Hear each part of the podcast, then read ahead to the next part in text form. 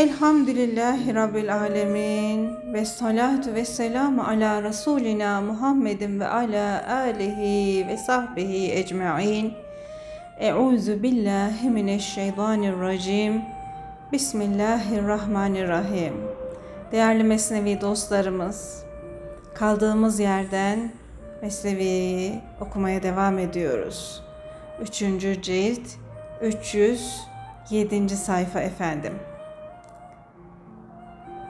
Başlığımız geceler rahmet hazinesidir. Eğer geceler olmasaydı insanlar hırstan, tamadan çırpınırlar, yanar yakılırlardı. O vakit herkes aşırı kazanç sevdasına düşer, çok kar elde etmek için bedenlerini fazla yorarlar, yakar, yandırırlardı.'' İşte bu yüzdendir ki halkı az bir zaman için olsun didinmeden hırstan kurtarmak için gece rahmet hazinesi gibi gelir çatar. Ey hak yolcusu! Sana bir iç sıkıntısı, kabz hali gelirse bil ki bu hal senin hayrınadır. Üzülme, meyus olma. Çünkü sen bast, ferahlık halinde iken varını yoğunu harcıyorsun. Bu harcamaya karşılık bir gelir gerek.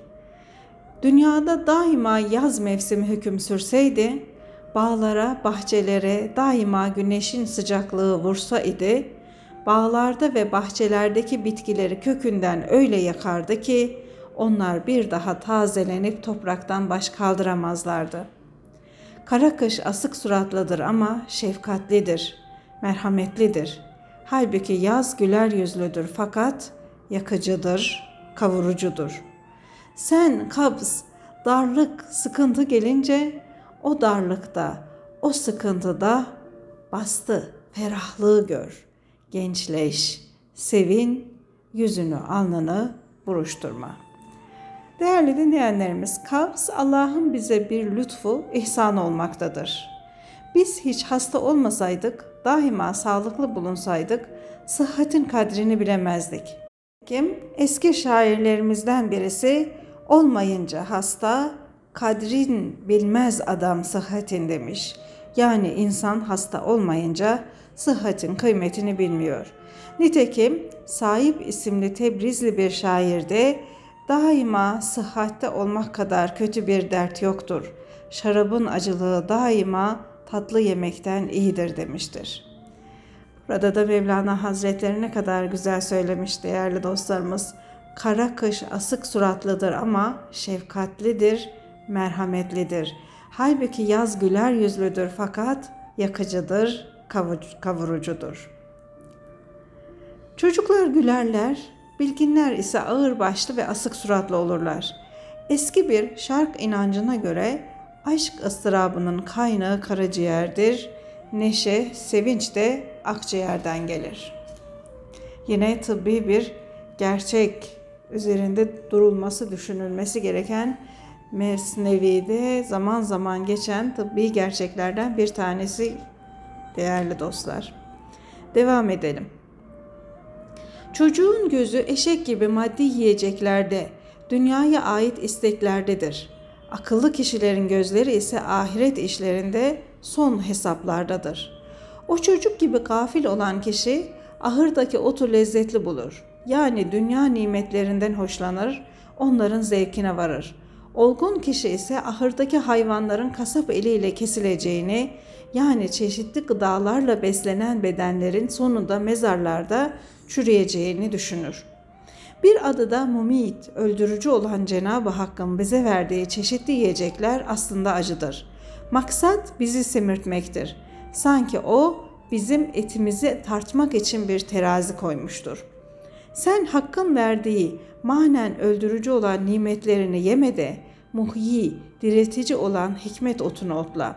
Çünkü Allah o otu karşılığında senden bir şey beklemeden sadece bir bağış olarak sana lütfetmektedir.'' Ey gafil kişi! Cenab-ı Hakk'ın Kur'an'da Hakk'ın verdiği rızıktan yiyin diye buyurduğu rızgı sen hikmet sanmadın da ekmek sandın. Allah'ın verdiği rızık mertebesine, anlayış ve seziş kabiliyetine göre hikmet ve marifettir. O yiyenin sonunda boğazında durmaz, seni öldürmez. Bu bedene ait olan ağzı kaparsan, sende manevi ve ruhani bir ağız açılır da o ağızla ilahi sırlar ve marifetler lokmalarını yersin. Eğer sen şu beden şeytanının sütünden kesilirsen hakkın manevi sofrasına oturursun da nice akıl almaz nimetler yersin. Değerli dostlarımız, Hazreti Mevlana yiyip içmeyi hususuyla helal, haram demeyerek mideyi doldurmayı şeytandan süt emmeye benzetiyor. Ve o şeytan sütünden nefsini keser isen sana türlü nimetler verilir diyor. Mesnevi'nin diğer başka yerlerinde de geçtiği gibi değil mi? Bir bebek sadece sütle beslenir ama zamanı gelip de sütten kesildiği zaman ona türlü türlü tatlarda, lezzetlerde, renklerde yiyecekleri annesi yedirmeye başlar. İşte şeytanın sütünden de kesilirsen manevi lokmaları yersin diyor Mevlana Hazretleri. Bu konuyu Türklerin et yemeği gibi yarı pişmiş anlattım. Tamamını da Hakim Gaznevi'den dinle. Bunu o gayb hakimi, o ariflerin onunla övündükleri Hazreti Hakim Senayi İlahi Name adlı eserinde anlatır. Ey hak yolunda yürüyen kişi! Gam ye, keder ye de gam artıran, seni derde sokan dünya ehlinin namerdin ekmeğini yeme. Çünkü akıllı adam sonunda neşe bulunan gamı yer. Çocuk ise zehirleneceğini bilmeden şeker yer.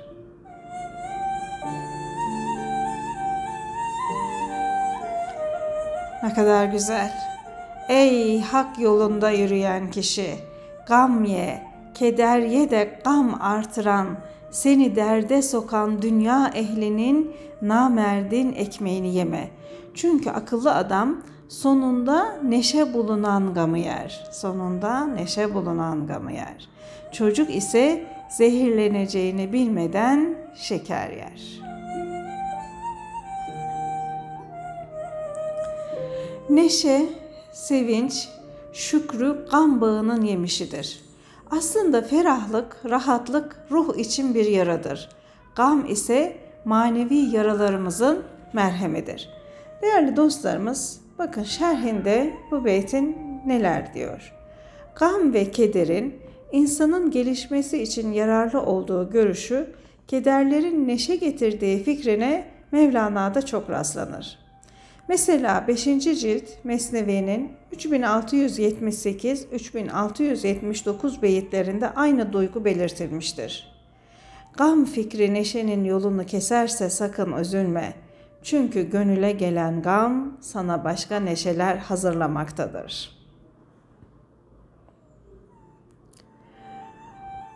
Neşenin yolunu keserse sakın üzülme çünkü o gam sana neşe hazırlamaktadır diyor. Yine başka bir beyitte değerli dostlarımız Gam yeni bir neşe, yeni bir sevinç gelsin diye gönül evini sıkıca süpürür.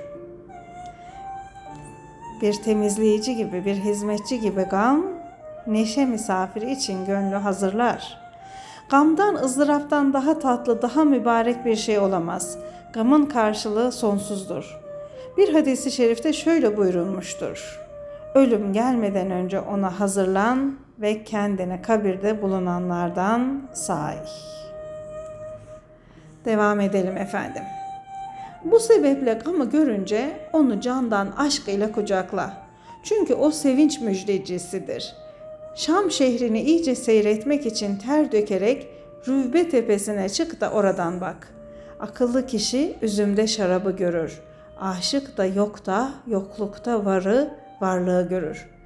Geçen gün hamallar bir yük için sen çekme arslan gibi ben çekip götüreyim diye kavga ediyorlardı. Neden? Çünkü o zahmette, o yük altında ezilmede bir kar, bir fayda görüyorlardı da onun için yükü birbirlerinden kapıyorlardı. Allah'ın vereceği ücret nerede? Züğürt bir adamın vereceği ücret nerede? Allah sana ücret olarak manevi bir hazine sevap verir. Yükünü taşıyacağın kişi ise birkaç kuruş verir. Allah'ın vereceği altın hazinesi sen ölüp toprak altına girsen de o seninle beraberdir. O varislere kalacak bir mal değildir.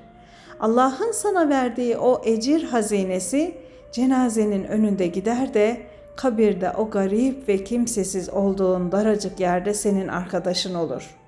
Ölüm günü için şimdiden öl de ölümsüz bir aşkla kapı yoldaşı ol.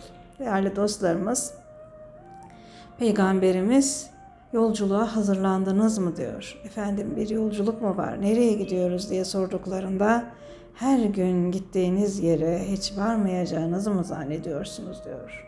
Her gün ahirete doğru yol alıyoruz. Her geçen nefesimiz o belirli ömrümüzden bir parçayı alıp götürmekte değerli dostlarımız. Hazırlık yaparsak, şu dünyalık iki kuruş için hamalların birbiriyle yarıştığı gibi ahiret yükü için, ahiret nimetleri için niye yarışmıyoruz?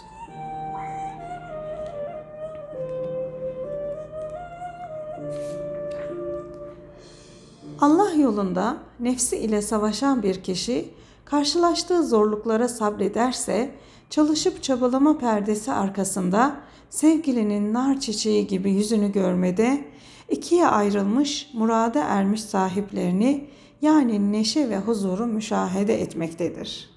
Gam ve keder çalışıp çabalayan kişinin önündeki aynaya benzer.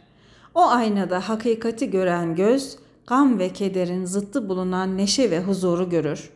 Nasıl bir hastalık sağlığın zıttı ise zahmetten, eziyetten sonra onun zıttı olan zevk ve neşe yüz gösterir. Bu iki hali, bu iki vasfı eline bak da elinde gör. Avucunu yumduktan sonra mutlaka açarsın. Avucun daima yumulu kalsa yahut da daima açık kalsa da yumamasan bu çok üzücü bir hastalık olur. Ne kadar güzel benzetmiş değerli dostlarımız. Nasıl ki diyor bir avucun yumuluysa açacaksın, açılıysa yumacaksın. Devamlı bunu görüyorsun. İşte gam ve neşe misafirleri gönle böyle birbiri ardınca gelir gider. Avucunu açıp yummak halinde insanda bir çeşit ilahi tecelli olan kabz ve bast halinin ifadesi vardır. Bir başlık daha var. Bütün kötülükleri bizim nefsimiz hazırlıyor.'' Sevgili Allah'ımızın lütfu eseri olarak bize tatlı yemişler veren fidan, biz hırsızlık edersek bize dar ağacı olur. Sevgilimizin zülfü böyle mis kokulu iken biz akılsızca davranırsak bize zincir olur. Allah'ın lütfu, ihsanı Nil nehri gibi akıp gidiyor. Fakat biz Firavun ahlaklı olursak o nehir bize kan kesilir.'' Bize kan görünen o su, ben suyum dikkat et beni dökme. Ey inatçı adam, ben Yusuf'um, gafletinden sana kurt gibi görünüyorum. Görmüyor musun? Senin yumuşak huylu temiz dostun menfaatine dokununca onunla zıt olunca yılan gibi olur. O dostun eti yağı değişmemiştir. Onun öyle kötü görünmesi senin görüşünden başka bir şey değildir. Bir sevgilinin garip aşıkına gezdiğin şehirlerden hangi şehri daha güzel buldun? Hangi şehir daha kalabalık, daha büyük? Hangi şehrin nimetleri daha bol? Hangi şehir daha ziyade iç açıcı diye sorması. Bir sevgili aşıkına yiğidim dedi. Sen seyahate çıkmış, gurbette birçok şehirler görmüşsündür. Onların içinde hangi şehir daha güzeldi? Aşık, sevgilinin bulunduğu şehir diye cevap verdi. Padişahımız yaygısını nereye yaydı ise orası iğne gözü kadar dar olsa bile bizim için geniş bir ovadır. Nerede ay gibi parlak yüzlü güzel bir Yusuf varsa isterse kuyunun dibi olsun orası bizim için cennettir. Başımızdaki gizli memurlar. Aslında her insanın yanı başında gizli bir memur, gizli bir yönetici vardır. Öyle olmasaydı insan saldırıcı bir köpeğe benzeyen tabiatına esir olur mu idi? Kıymetini bilmediği sevgilinin kızgınlığı kötülük yapan kişinin ruhuna oturmuş da onu kötülüğe, günahkar olmaya sevk etmiştir. O gizli memur içinde gizlendiği kişiye vurur ve işkencesine memur edildiğin zavallıya vur, döv diye onu sıkıştırır zorlar. İşte benim feryadım, şikayetim hep o gizli memurdandır. Kimi harap olmuş ziyanda görürsen bil ki görünüşte yapayalnız da olsa hakikatte o ziyana bir memurla sürüklenir gider. Eğer o kimsenin o gizli memurdan haberi olsaydı padişahlar padişahı olan Allah'a sığınır ve Allah'ın huzurunda feryat ederdi. Hakikat padişahının huzurunda başına toprak saçarak Allah'ın lütfu ile o korkunç şeytandan kurtulurdu. Ey karıncadan da daha aşağı olan kör, sen kendini pek büyük gördüğün için o başındaki memur şeytanı göremiyorsun. Bu yalancı kol kanada yani dünya varlığına, zenginliğine aldandın, gurura kapıldın ama bu kol ve kanat seni vebale sürükledi. Kanat sahibini hafifletir, yücelere çeker. Fakat çamura bulanırsa ağırlaşır ve sahibini uçamaz hale sokar, yerde bırakır. Yine ne güzel bir benzetme. Kuşu düşünün değerli dostlarımız, kanadı onu uçurur. Ama kanadının petrole bulandığını görüyoruz değil mi? Fotoğraflar oluyor veya çamura bulanıyor. O artık uçamaz hale geliyor. İşte bizim de nefsimiz eğer biz onu idare edebilirsek, temiz tutabilirsek, günahlardan uzaklaştırabilirsek bizi uçurur, bizi taşır. Ama günahlara bulandıysa bizi yerin dibine sokar. Bir başlık daha var. Aşıkların ölümü çeşit çeşittir. Aşıklara her zaman bir ölüm var. Aşıkların ölümü bir çeşit değildir. Bir aşık Allah yolunda insanları hidayete götüren yüzlerce cana sahip olduğu halde onların hepsini bir anda feda eder. Aşık her feda ettiği cana on karşılık alır. Kur'an'ı aç da bir hayıra on sevap var ayetini oku. Değerli dostlarımız Enam suresi 60. ayet-i kerimesine işaret var burada. Eğer o güzel yüzlü sevgili kanımı dökecek olursa neşe ile dönerek zevkimden oynayarak canımı onun yoluna saçarım. Ben denedim. Fani olan bu maddi yaşayışımdan şunu anladım ki benim ölümüm yaşamaktır. Ben bu yaşayıştan kurtulunca ebedi hayata, ölümsüzlüğe kavuşacağım. Ey güvendiğim dostlarım beni öldürün. Öldürün çünkü ölümde gerçekten de benim için hayat içinde hayat vardır.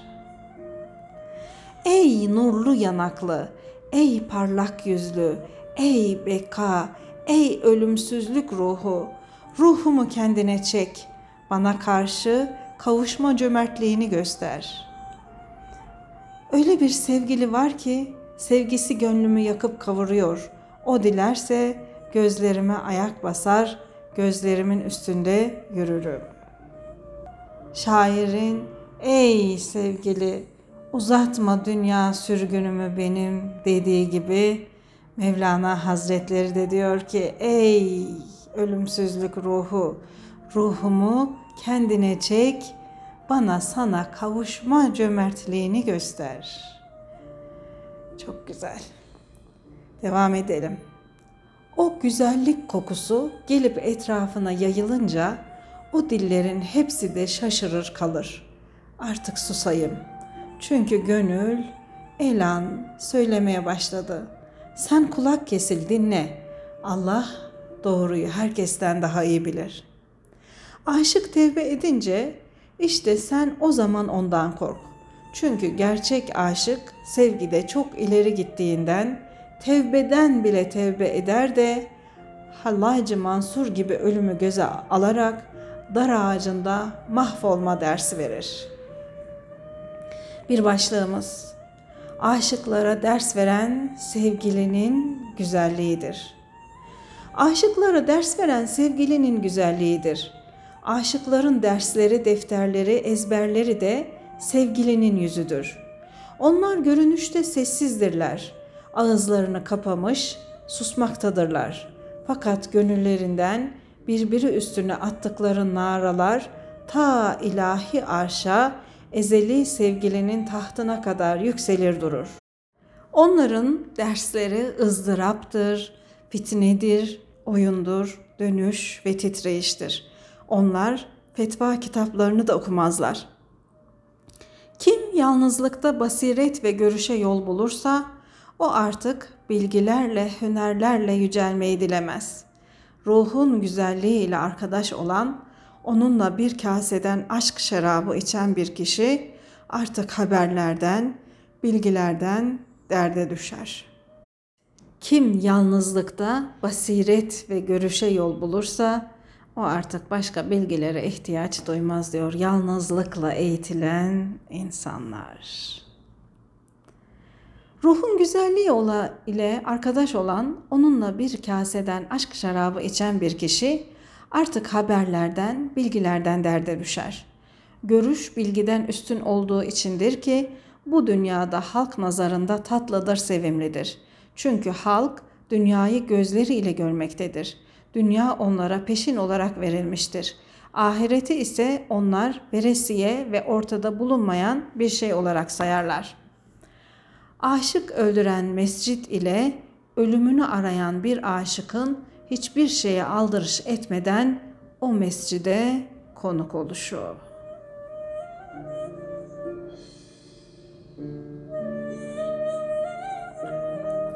Ey değerli kişi, bir hikaye söyleyeyim de dinle. Rey şehrinin kenarında bir mescit vardı. Hiç kimse yoktu ki orada gecelesin, yatsın da korkudan ödü patlayıp ölmesin, oğlu o gece yetim kalmasın. Orada ne kadar garip ve yoksul kişi yatmıştı ki sabahleyin yıldızların battığı gibi mezara götürülmüştü.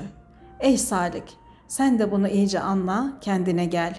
Sabah geldi çattı, uykuyu kısa kes. Yani ecel sabahı gelmiştir, gaflet uykusunu bırak. Herkes diyordu ki o mescitte güçlü periler vardır. Orada yatanı kör kılıçla kesip öldürüyorlar. Bazıları da orada büyü var, tılsım var diyorlardı. Hayatın düşmanıdır, can almayı gözetip durmadadır.'' Başka birisi de bu mescidin kapısının üstünde ey misafir burada sakın kalma.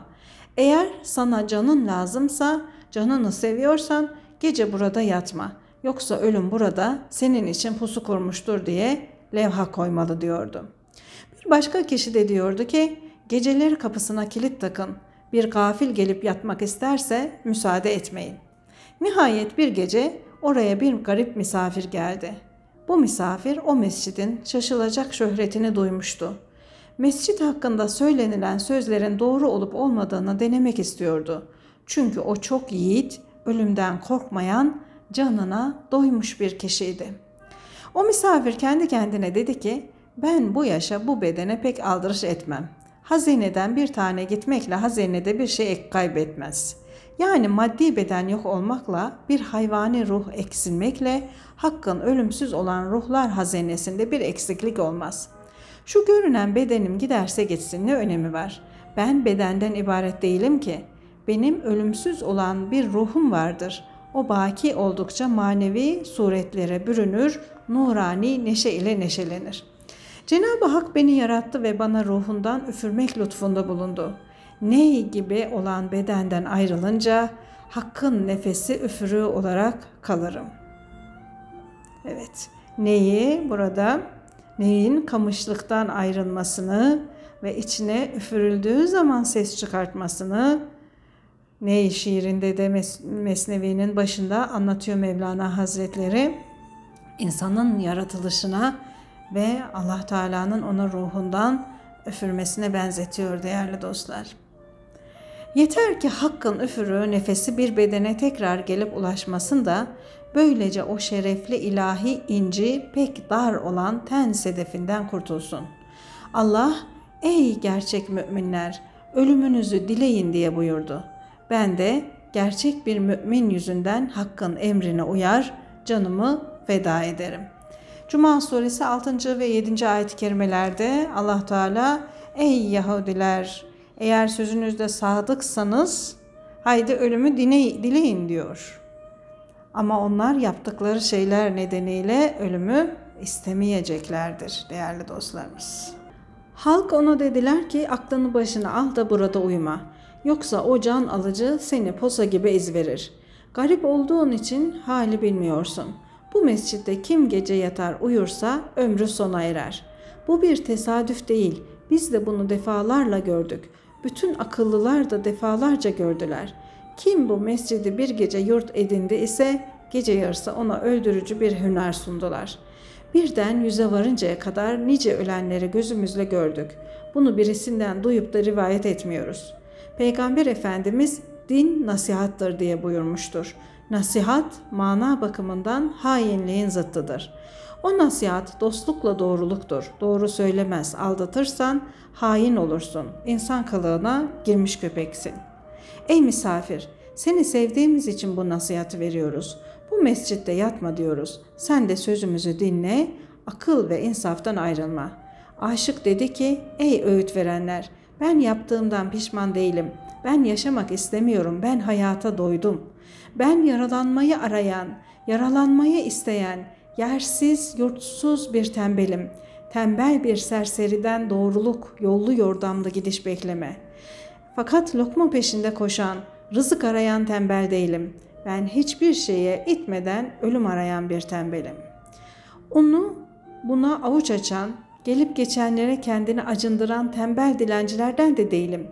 Ben dünya nimetlerine takılıp kalmadan ahirete uzanan bir köprüden hızla geçen bir tembelim. Şehirlerde dükkan dükkan dolaşan, sadaka dilenen tembel bir dilenci de olamam. Ben mevhum varlığından sıçrayıp kurtulan ve bir hakikat madenine ulaşan bir tembelim. Kuşa kafesi bırakıp uçmak nasıl hoş, nasıl tatlı geliyorsa, bana da ölmek, bu dünyadan göçmek öyle hoş, öyle tatlı geliyor. Kafeste bulunan bir kuş kafesiyle beraber bahçeye götürülse, orada bulunan gülleri, ağaçları görür. Bu sırada kafesin dışındaki kuşlar uçuşur dururlar. Kafesteki mahpus kuşa hoşça hürriyet hikayeleri söylerler. Kafesteki kuş onları duyar. O güzelim yeşilliği görür de ne iştihası kalır, ne sabrı, ne kararı. Belki ayağındaki bağ çözülür diye kafesin her deliğinden başını dışarıya çıkarır durur. O kuşun gönlü de ruhu da dışarı çıkmak arzusunda iken kafesin kapısını açacak olursanız ne hale gelir? Ona dediler ki haydi yiğitlik taslama yürü. Bu sevdadan vazgeç. Birçok canlar alan bu mescitte yatma. Elbisen de canın da burada rehin kalmasın. Ey kerem sahibi misafir yiğitlik etme. Var işine git. Ölümünle bizi ve mescidimizi töhmet altında bırakma. Düşmanın biri düşmanlığından ötürü bir söz söyler. Bir alçak da yarın bize bir iftira ve şüphe ateşi atar. O misafiri zalimin biri boğdu da kurtulmak için onu mescide attı der. Mescid öldürdü bahanesini buldu, suçu mescide yükledi. Zaten mescidin adı kötüye çıkmış. Bu bahaneyle kendini kurtarmak için bu işi yaptı diyebilirler. Ey yiğit, ey canı pek misafir, bizi töhmet altında bırakma. Zaten düşmanların hilesinden emin değiliz. Aklını başına al inat etme. Bu hem sevdayı pişirmeye kalkışma. Zuhal yıldızı arşınla ölçülemez. Senin gibi birçokları bahttan, talihten söz ettiler. Sonunda tel tel, tutam tutam sakallarını yoldular. Haydi git, bu dedikoduyu kısa kes. Kendini de bizi de vebale sokma. Misafir dedi ki ey dostlar ben bir la havle ile ürküp kaçacak şeytanlardan değilim. Çocuğun biri tarlada bekçilik ediyordu. Bir küçük defi vardı, onu çalar kuşları kaçırırdı. Kuşlar o küçücük defin sesinden ürküp kaçarlar. Tarla da kuşların zararından, dahne toplamalarından kurtulurdu. İyiliksever, kerem sahibi bir sultan olan Gazneli Mahmud o taraflara gelmiş, koskoca çadırını o tarlaya yakın bir yere kurmuştu. Gökteki yıldızlar kadar çok parlak saflar yaran ülkeler alan ordusu ile oraya kondu. Orduda bir deve vardı. Ordunun nöbet davulunu onun sırtına yüklemişlerdi. O horoz gibi hep önde giderdi. Giderken gelirken nöbet davulunu gece gündüz hep o devenin sırtında çalardı. Sırtında kocaman ordu davulu bulunan o deve çocuğun beklediği tarlaya girdi. Çocuk da deve ekinleri yemesin diye küçük defini çalmaya başladı. Akıllının biri çocuğa def çalıp durma dedi. Deve bu sese alışıktır. Onun sırtında gece gündüz davul çalıyorlar. Çocuğum bu küçük defin sesi ona göre nedir ki? O padişahın senin definin yirmi misli olan nöbet davulunu taşıyor. Ben la yokluk kılıcıyla kurban olmuş bir aşığım. Benliğini yok etmiş, hakka kavuşmuş olan ruhumda dert, bela davulunun çalındığı gibi yerdir. Benim başıma gelen dertlere, ızdıraplara, bu gözlerimin gördüğü belalara karşı sizin beni korkutmanız, tarladaki küçük çocuğun definin çıkardığı sese benzemektedir. Ey arkadaşlar, ben hayallere kapılıp ürkecek, korkacak ve bu yolda duracaklardan değilim. Ben İsmail peygamberin yolunda olanlar gibi ölümden korkup çekinmem. Belki de İsmail aleyhisselam gibi başımdan da tenimden de kurtulmuşum. Ben gösterişten, riyadan vazgeçmişim. De ki, gelin ayeti benim ruhuma gel demiştir. Enam suresi 151. ayet-i kerime. Kul Teala Yücelikler dileyen o garip dedi ki ne olursa olsun gece bu mescitte yatacağım. Ey mescit benim için Kerbala bile olsan sen benim isteklerimin kabul edildiği bir Kabe yerine geçeceksin. Ey seçilmiş er sen beni bırak da hak sevgilisi uğruna ölümü göze alan Mansur gibi ipimle oynayayım. Yani ben de sevine sevine ölüme gideyim. Siz öğüt vermekle Cebrail bile olsanız Halil İbrahim ateşe atılırken Cebrail'e eğer yardım Allah'tan değil de senden ise o yardım istemem dediği gibi ben de sizin yardımınızı istemem. Ey Cebrail yürü işine git. Ben tutuşmuşum, yanıyorum. Benim öd ağacı gibi, amber gibi yanmam, yakılmam bence daha iyidir. Ey Cebrail, beni ateşe atarlarken yardıma koştun, seni kurtarmaya geldik dedin. Kardeş gibi beni korudun. Ben ateşe atılmakla istekliyim. Ben hayvani ruh gibi ateşe girmekle artacak, eksilecek değilim. Misafir bunları söyledikten sonra mescidin içine girdi yattı. Fakat ona uyku gelir mi? Hakkın aşk deryasına batmış bir kişi bir ırmakta nasıl uyuyabilir? Gam ve keder suyuna batmış aşıkların uykusu da kuşların ve balıkların uykusu gibi olur. Misafir gece yarısı korkunç bir ses işitti. Ey fayda arayan kişi sana geleyim mi diyordu. Bu korkunç ses beş kere tekrarlandı. Misafirin korkudan yüreği kopuyor ödü patlıyordu. Bu ses bayram davulunun sesi. Ne diye korkayım? Tokmağı yiyen davul o korksun. Ey gönülleri olmayan boş davullar! Can bayramından payınız ancak tokmak yemektir. Ey gönülleri olmayan baş davullar! Can bayramından payınız ancak tokmak yemektir. Kıyamet bir bayramdır. Dinsizler de o bayramın davuludur. Biz de gül gibi açılıp gülen bayramın halka gibiyiz. Kendi kendine de ey gönül aklını başına al titreme dedi. Bu sesten ancak gerçek imanı olmayan kişiler ölmüşlerdir. Hazreti Ali gibi ya ülkeyi alırım ya canım bedenimden gider. Böyle diyerek yattığı yerden sıçrayıp kalktı ve ey yiğit er diye bağırdı. Ben hazırım. Sen de gerçekten yiğit isen gel. Ben buradayım. Seni bekliyorum. Onun bu seslenişinden tılsım bozuldu. Her taraftan oluk oluk altın akmaya başladı. O kadar altın döküldü ki mescidin kapısının bile kapanıp açılmayacağından misafir korktu. Ondan sonra o cesur arslan kalktı, dökülen altınları sabaha kadar dışarıya taşımaya koyuldu. Dışarı taşıdıklarını yere gömüyor, tekrar torba ile mescide giriyordu. O canı ile oynayan yiğit sesten korkup kaçanların körlüğüne karşılık definelere sahip oldu. Bu hikaye işiten kör kişinin ve haktan uzak altına tapan her gafilin hatırına şu görünen aslında sarı yılan olan altın gelmiştir. Çocuklar saksıları çömlekler kırarlar, kırıklarını eteklerine doldururlar, onlara altın adını takarlar. Oyun oynarken o parçaları altın adını taktıkları için ne vakit altın deseler çocuğun hatırına saksı kırıkları gelir. Halbuki hikayede benim bahsettiğim altın hakkın darphanesinde basılmış mana altınlarıdır. Onların kalıbı, kesadı olmadığı gibi hiç eksilmezler, ebedidirler. Bu altın öyle bir altındır ki dünya altınları bile parlaklığı, güzelliği ondan almışlardır. Gönlü zenginleştiren o altın, o mana altını parlaklıkta aydan bile üstündür. O mescit sanki bir mum gibiydi. O misafir de pervane. O pervane huylu kişi canı ile oynadı, mumun ateşine atıldı. Ateş pervanenin kanadını yaktı ama aleve atılması pek mübarek, pek kutlu geldi de ona daha güzel bir başka kanat ihsan edildi. O bahtı kutlu misafir bir ağaçtan ateşin parladığını gören Musa'ya benziyordu. Hazreti Musa hakkında Allah'ın lütuf ve yardımı pek fazlaydı. Onun ateş sandığı aslında nur idi. Oğlum sen de Allah adamını, veliyi görünce onda beşeriyet ateşi var sanıyorsun. Sen onu kendin gibi biliyor, kendi nefsine kıyas ediyorsun. Kendi noksanından ötürü onda beşeriyet sıfatı görüyorsun. Boş zannın ateşi ve dikeni bu yandadır. Musa'nın ağacı da o mana ışıkları ile dop dolu. Sen o parlayana ateş deme, nur de, ilahi nur adını ver.